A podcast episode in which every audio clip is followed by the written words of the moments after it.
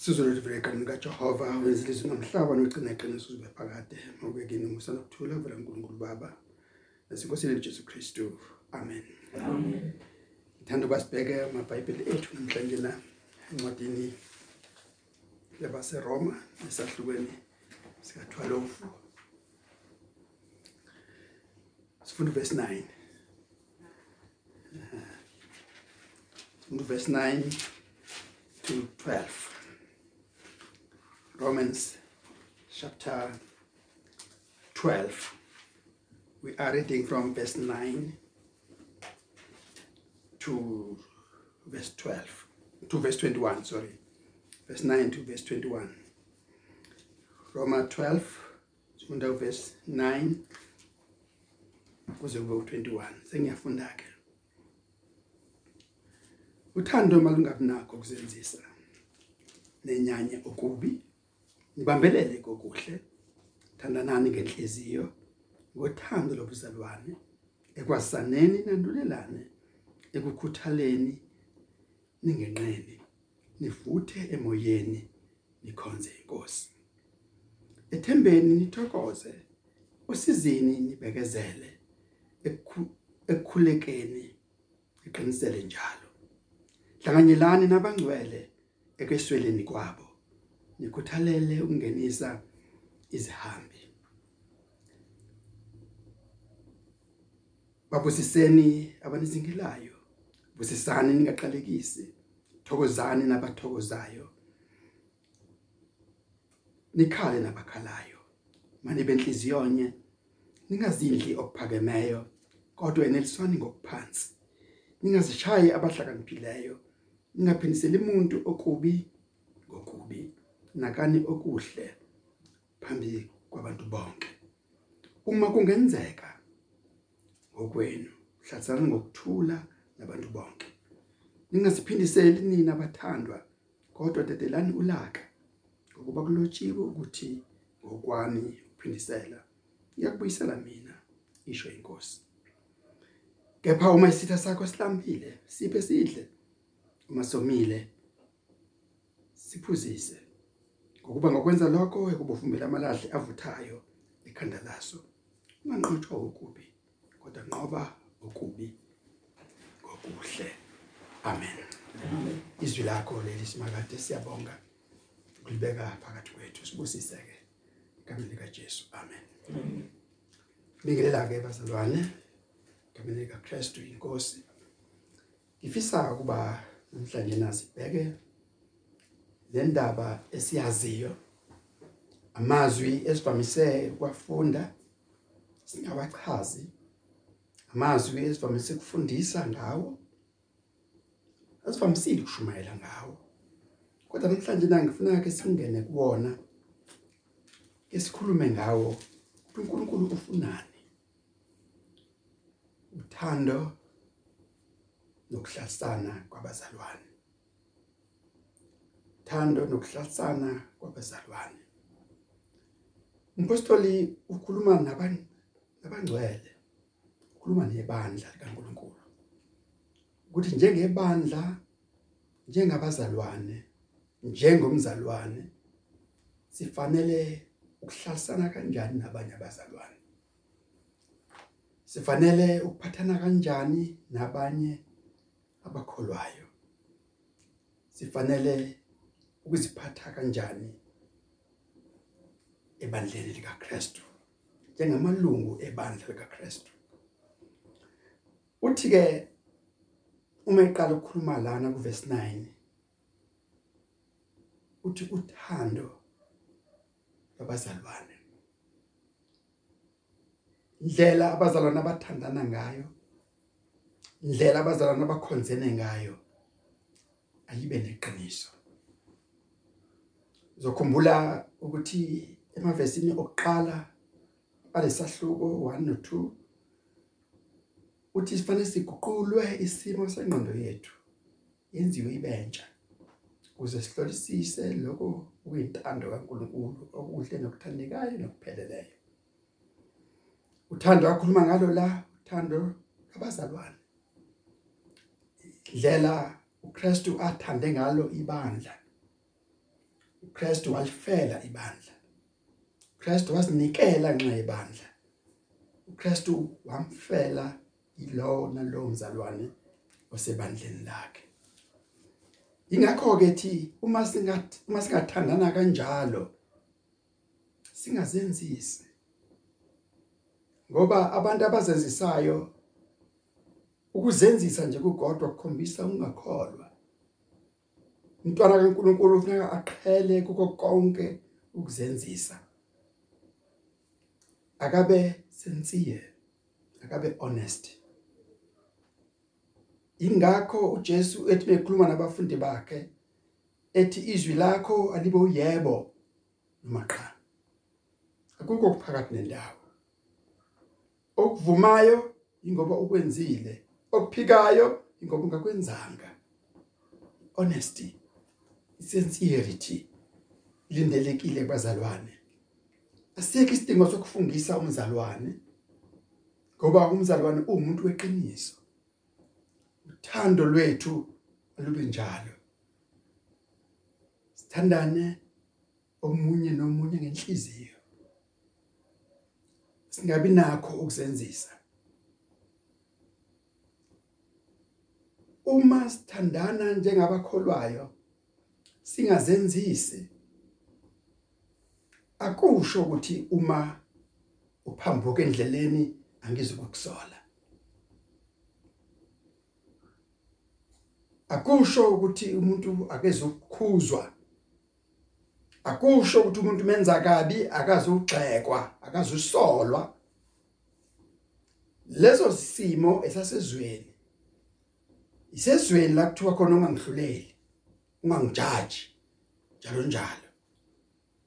Kodwa uthando lwangempela angikwazi ukuyeka umzalwane wami eyoweleweni ngoba ngisaba ukuthi kuzothiwa ngiyamjaja kuzothiwa ngiyamhlulela. Uthando lweqiniso luyakhuza.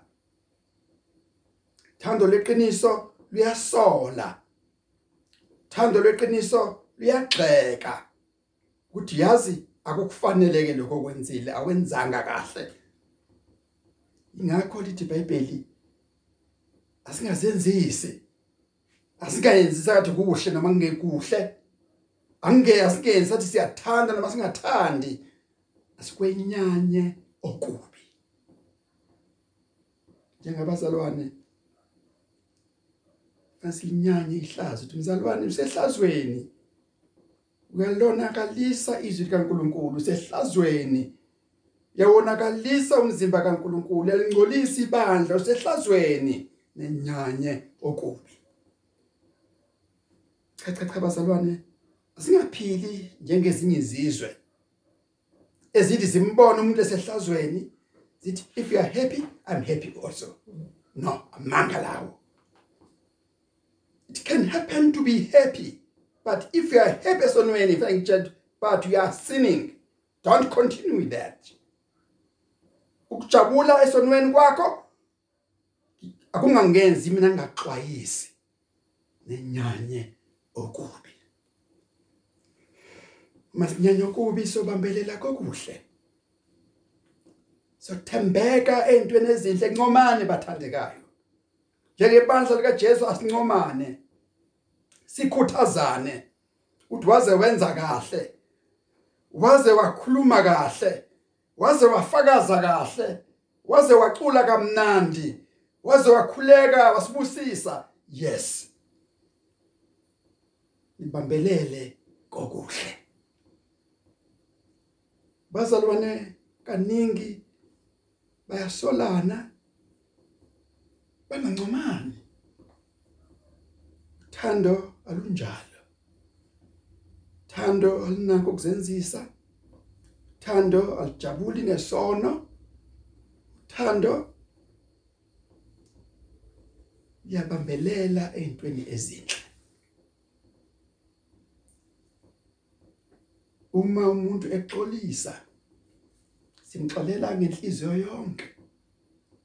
Uma umuntu ezisola ezithoba simamukela ngezandla ezivulekile.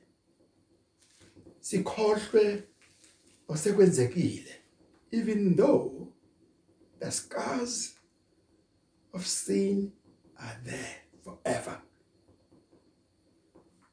Imhuzuko ukuthi ubuphonsekile imhuzuko ukuthi ubulimele imhuzuko ukuthi uke wawa wawele esonweni uke wenza kabi sikunyule emanyaleni iyohlala ikhona.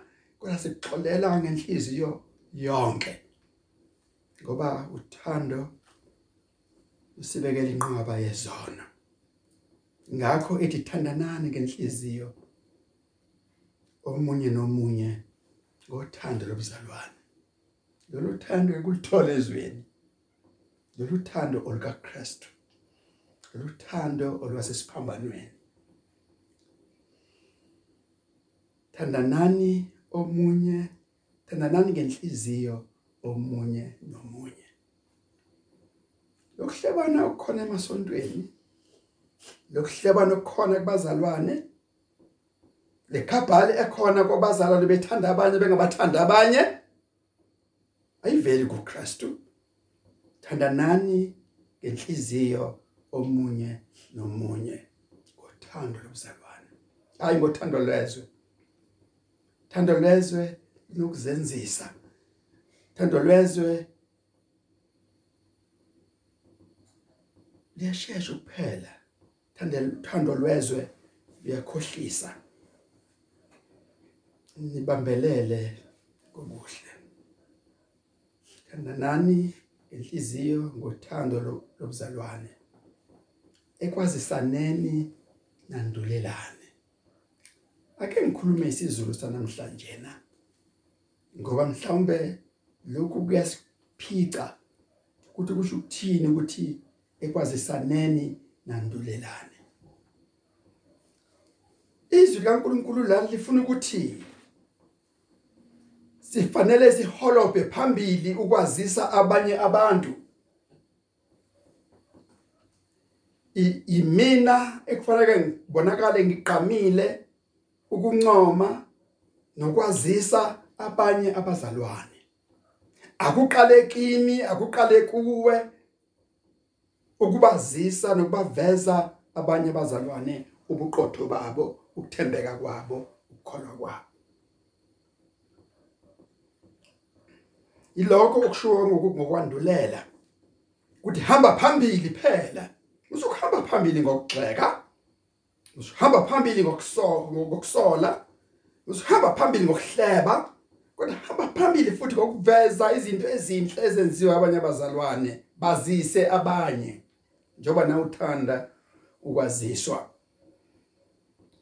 Ekwazisaneni nanandulelane.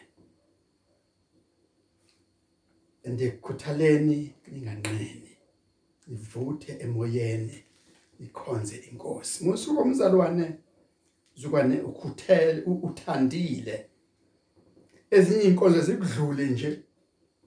Siyokubona enkonzweni ngoba nakhu ugovana wakho ufuna kanjalo ngalolo langa. Sokubona enkonzweni ngoba nakho uthenga ingobo entsha. Sokubona enkonzweni ngoba nakho ihili lakho likahle namhlanje nezoqhwashaza kahle sijeqeze sonke. Cha. Asikhonzi ngokwamamuzi asikhonzi ngokwezimo. Kodwa ekukhuthaleni ekumkhonzeni uJesu asibonakala singanqeni. Kunabazalwane angaziwa iziphiwo zabo. Angaziwa ama gift abo ukuthi uNkulunkulu baphathiseni ngoba bahlelile kude abafuna ukuveza lokhu uNkulunkulu abaphathise kona kanti belizokwakheka ibandla. Kanti uNkulunkulu bezosebenza ngabe ufuna ukusebenza ngawe uNkulunkulu. Leziphiwo azibeke kuwena aziwona umhlobiso. Ufuna ukwakha ibandla lakhe uNkulunkulu ngeziphiwo onazo. Ekukhuthaleni ke hamba phambili. Usuhamba phambili ezindabeni zabantu. Usuhamba phambili ekugxekeni abantu. Usuhamba phambili engabi nothando kodwa khuthalela inkonzo kaNkulunkulu. Uvuthe emoyeni. Hayi mzalwane isitititi nje. Mzalwane isidatata nje. Umzalwane obuyisa inkonzo ayibandise noma sishisa. Nokade ecula kamnandi sisemoyeni abekukubona nje ukubona unyukubela vele bohle lolo. Naye siyadamba sathi inhlama iphelelwe yiEast endala. No ekukhuthaleni ningenqeni ivote emoyeni ngoba abani sinjani bathandekayo? Sikhonza inkosi. That is a purpose. That is a aim. Nayingqikithi nantu ubizo lwethu nanku umgomo wethu nayinhloso yethu khonza inkosi. Uthando lonke sinalo ngoba sikhonza inkosi. Malingabi nako ukuzenzisa ingoba sikhonza inkosi. Ekwazisaneni sandulelane ingoba sikhonza inkosi. Sithandana ngenhliziyo eyodwa. Ingobani? Sikhonza inkosi. Ethembeni nithokoze. Themba alijabisi khumbula phela ukuthi uthini? uHebheru 11 verse 1 kholwa ukuqiniseka ngezinto ezingabonwayo uqiniseka ngezinto ezithenjwayo. Ethembeni ithokoze usizini ibekezele umzalwane oncinzwa inhlupheko abese vile ohlala ekhaya. Umzalwane oncinzwa ukuhlaseleka abese vele phela kanjalo engaphinda kholwe akeni umzalwane ezinsizeni zethu ilasifana sibonakale khona. Uthi umpostoli la kule ncwadi yabaseRoma esahlukene sesihlanu uthi ukukhuthaza uqiniseka kuveza ukukhuthazela ukukhuthazela beza ithemba ithemba alijabisi thando kaNkuluNkulu uthelewe enhlizweni zethu ngalokho. Usizini siyabekezela. Simkhonza uNkulunkulu simuncu simkhonza uNkulunkulu sibhlungu simkhonza uNkulunkulu silambile. Simkhonza uNkulunkulu sijivazwa. Simkhonza uNkulunkulu singarecognizwa abanye bengasibona ukuthi siyakholwa noma sikhona noma sikho enkonzweni osizini? Siyabekezela sikhonza inkosi. Sizini? Nibekezele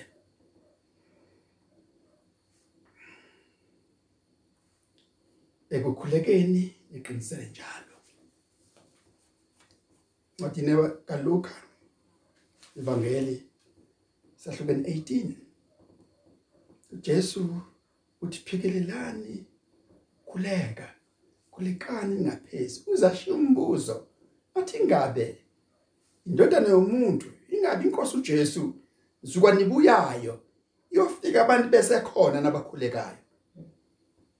Apostoli kwabaseThessalonika uthi khulekani ngaphezulu ekhulekeni iqinisele njalo. Why? Kuthiwa qinisele ekhulekweni. Incwadini yezenzo esahlukweni sesibili ivesi lamashumi amane anambili zenzo 2 act 2 verse 42 kuthi ibandla laqinisela ekuhlanganeni laqinisela ekukhulekeni laqinisela ekuhlepheni isinkwa laqinisela ekufundeni izwi bandla likaJesu linjalo. Ekukhulekeni iqinisele. Kwesikhathi kuyanqameka kwesikhathi ema comfort zone ethu sathi kumnandi uhlelo ohleli khona ungephumi ungayi emkhulekweni ungahlanganyeli nabangcwele. Cha qinisela mfowethu qinisela. Ekhulekeni iqinisele. Nivuthe emoyeni ethembeni nivuthe emoyeni ikhonza inkosi. Ethembeni nithokoze osizini nibekezele. Ekukhulekeni niqinisele njalo. Uverse 13 ufuna ukusikhombisa ukuthi angikwazi ukukholwa ngingedwa. Ngeke ngibe umzalwane ngingedwa. Bathandekayo asiphume kule nkohliso nakulamanga ukuthi ngiyakholwa ngenhliziyo. Noma ngaye enkonzweni noma ngihlala la ekhaya noma kunjani kodwa ngiyakholwa kangcono kunosibani bana bahamba amasonto ngamasonto. No ngikwazi ukukholwa ngingedwa ngidinga abangcwele ngidinga abanye abazalwane. Hlanganyelani nabangcwele. Enkonzweni kodwa afune sekusweleni kwabo. Uma ekhona swele nathi swele asimkhangeze asimnakekele asimbheke. Yebo uma usebenza kahle kuvela izikhala zomsebenzi khumbula abazalwane kuqala. Uma ungumphathi uyimanager kuvela izikhala khumbula abazalwane kuqala. Hlanganyelani nabangcwele ekwesibeleni kwabo. Sihlanganyele enkonzweni. Masonto onke. Sihlanganyele ezimvuselelweni sihlanganyele emikhulekweni sihlanganyele ezidingweni zethu zemihla ngemihla ezinsweleni zethu ekukhaleni kwabanye nami ngiyakhala ekulambeni kwabo nami ngiyalamba. Uma kuphelelwa imisebenzi nami ngikhona lapho. Ubone ukuthi nabo bathola umsebenzi. Kodwa futhi ngiselapho angisho masinyane. Futhi kwesinye isikhathi ziyavela izikhala zemsebenzi abanye abazali sebakujwayela ukuhlala emakhaya.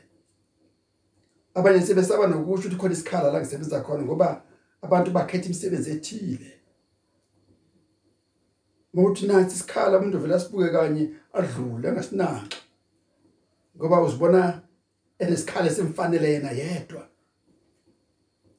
Ingabe ibhlungu uma abanye benze njalo. Kodwa wena enza umsebenzi wakho. Thumela umyalezo. Nazi isikhala semsebenzi lona icala ukuthi uma umphathi bese gcwala abantu benkonzo yakho lokusebenza khona. Lona icala lelo sathi bengabe umphathi othile wenkampani kusasa bafake bonke abazalwane. Hlanganyelani nabangcwele ekwesweni kwabo. Ikhuthalele ungenise izihambi bazalwane kulokhu ifanele ngisho ukuthi isikhathi sika Paul nesikhathi sethu asifani. Isikhathi esazalwa ngaso thina nesikhathi sanamhlanje na asifani. Abazali bethu babengenisa izihambi. Okhokho bethu babengenisa ngisho nomuntu abangamazi odlulayo bamupha ukudla bamuphe nomphako wakusasa. Kodwa namhlanje ngenisa isihambi kuyasawufile. Ngoba ubulwane nobugebengu sohamba phambili. Ngenisa isihambi sikunqume sikushiye ungambethe ngakho sikwenza lokhu cautiously kubazalwane ayi nombani kwabangcwele udo umsalwane qhamuke ePortshepstone qhamuke eMpumalanga awu hayi ngena mntaka baba ngoba umzalwane. Kuthi sihambi nje in general ngikholwa ngaphezulu kokwami.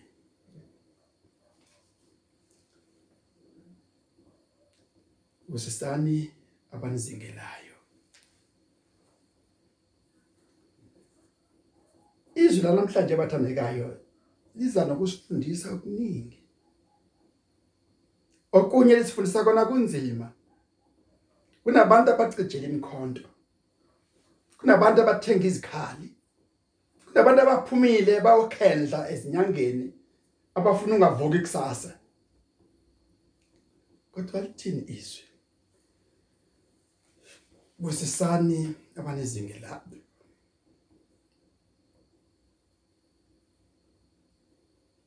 busisani ningaqalekisi. Ngobani? Sitshela uNkulunkulu ukuthi ngivikele inkosi ngiyazingelwa. Ngivikele beka abanga abantu abami ngaphandle abafuna ukuphila kwami. Uthini uNehemia na? Usebenza esimweni esibi osanibhanati noTobiya labangani babo ababephazamisa wonke umsebenzi. Kodwa akakuthathanga kwasemandleni akhe ukulwa nabo. Kuphela utshela uNkulunkulu khumbula Jehova. Khumbula oTobiya khumbi khumbula oSanbanati khumbula khumbula khumbula.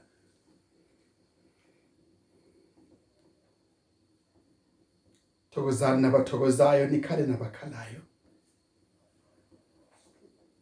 Siyaduduza siyajabula makujatshulwa siyakhuthaza. Siyaqinisana. Sikwenza lokho senhliziyonye ngoba sithandana ngenhliziyo. Sithandana ngenhliziyo kaKristu. Thokozani nabathokozayo nikhale nabakhalayo. Manibe inhliziyonye ingazidla okuphakemeyo kodwa eneliswane ngokuphansi. Sengathi umpostoli ufuna siqaphele la. Singalidwa inhliziyo. Size singene engozini yokweba. Khona abantu abahalela izinto ezikude nabo. Bagcine sebebamba inkunzi bagcine sebeba. Bagcine sebebulala bagcine sebengabathakathi. Kodwa lokho uNkulunkulu akuphekona yeneliswe ikona. And uzokumultiply uNkulunkulu. Ubusisa izinkwa ezintathu izinhlanzi ezimbili. Anjalo kudle abantu abangaphezulu kwezinkulungwane. Ugcwale amaqoma ayishumi nambili kusale imvuthuluka futhi.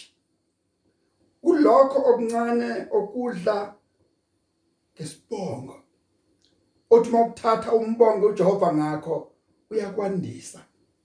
Wandisa amafutha ebhodleleni lomfelokazi. Wandisa impuphu eqomeni lakhe. Nalana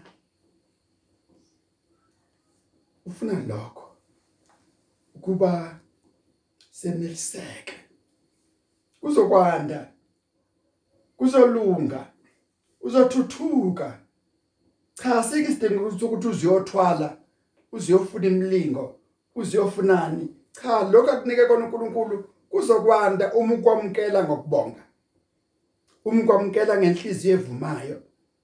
Kuzokwanda. Egcineni bothi abantu wenza ngani wena? Impendulo bisithi ukwamkela ngokubonga konke egameni lenkosi uJesu. Manibe inhliziyonye ingazidla okuphakemeyo kodwa niliswana ngokuphansi. Ingazishaya abahlakaniphileyo ineliswa yilokho uNkulunkulu akunakho noma uhlakaniphile. Kodwa futhi musukuzenza ungqeqe. Ithi uhlakaniphile ufunde ukuphila nabanye abantu. Ukuze uphikaphe usize nalabo abanye abangakuphiwanga. Kodwa abantu ngeke basondele kuwena bazofuna ukuhlakanipha kwakho uma wena ungqeqe u high class u untouchable yeniswana ngokuphansi. Ingazishaya abahlakaniphileyo vele abazalwane bahlakaniphile. Ukukhonza inkosi uJesu ukuhlakanipha mesaba uNkulunkulu ukuhlakanipha ukuzinikela esiphambanweni womzalwane udele izwe ukuhlakanipha ingaphindiseli umuntu okubi ngokubi. Nakani kuhle phambi kwabantu bonke. Igcineni uma ngenzeka uma ngenzeka hlalisana ngokuthula ngabantu bonke. Why kuthiwa uma ngenzeka ungaba umuntu wokuthula kodwa your next door neighbor abe umuntu womsindo. Ingakho kuthiwa uma kungenzeka gcina ukuthula kwakho gcina uxolo lwakho gcina ubungcwele bakho. Ungavumi ukuthi okuchukuluzayo aze akukhiphe ekukholweni kwakho. Iba uhana. Ungabe uphenina owabindela wathula watshela uNkulunkulu. Ingakho ngithanda ingoma yakithi ethi ngabindela nje ngathula kwavusa ubuhlungu bami. Eh kwavuka ubuhlungu ngaphakathi kodwa ngabindela ngaqinisela. Ngathula ngatshela uNkulunkulu. Hlasanani ngokuthula nabantu bonke. Ningaziphindiseli nabathandwa dedelana ulaka. Ngakho lapha ngenhla kuthiwa babusiseni abanizingelayo ngoba asiziphindiseleli thina. Sitshela uNkulunkulu. Bazalwane sitshela uNkulunkulu. Abanye abantu baze bathi uyathakatha. Ngoba uthe echukuluza uNkulunkulu wambhibiza ngempama lahleka lapha ya bese thi ngoba wena nomuntu omkhulu nowakhe vele kunoNkulunkulu ongcono kunowakhe ningaziphindiseli nabathandwa kodwa dedelani ulaka. Ngokuba kulotshiwe ukuthi ngokwami ukuphindisela yakubuyisela mina isho inkosi. okukaNkuluNkulu ukuphindiselela wena. Musukuzilwela uma uzilwela uNkulunkulu sonke izandla athi okay sigorandini qhubeka. Ngoba phela wena uGabadini ngiswile besho njalo qhubeka ke sigorandini akubuka uNkulunkulu. Sikunephule uthi sabatheze kunephule ngoba phela wena uyazilwela. Cha ningaziphindiseli nabathandwa. Ayeke bakuthuke uma bekuthuka musuphindisela ngenhlamba uma bencofa ngokukholwa kwakho musuphindisela lo ukukhuluma nabo bayeke bakuzingele. Tshela uNkulunkulu. Tshela uNkulunkulu. uNkulunkulu uzokuphakamisa ngaphezulu kwabo. I'm speaking on the experience. Ningaziphindiseli nabathandwa. Kodwa dedelani uNkulunkulu. Dedelani ukulaka kaNkulunkulu. Ludle abantu. Abayizidididi ngokuba kulotshiwe ukuthi ngokwami ukuphindisela kaNkulunkulu uyena osilwelayo lithi iBhayibheli kwenye indawo uJehova uzokusilwela uthula nina.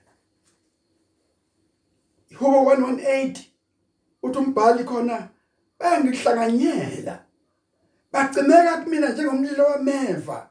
Bangibonganyela njengezinyosi. Kodwa egameni lika Jehova ngiyabahlula dedelani ulaka. Tshela uNkulunkulu. Tshela uNkulunkulu sebeyakuthuka tshela uNkulunkulu ukuthi balwa nawe. Tshela uNkulunkulu bayakusongela. Tshela uNkulunkulu bathi Nkosi ungekho. Tshela uNkulunkulu bayaqalekisa wathi zokhingekana emoto ufe. Tshela uNkulunkulu. Uyena ozokulwela. Uyena ozokuvikela. Ngokwami ukuphindisela. Isho inkosi.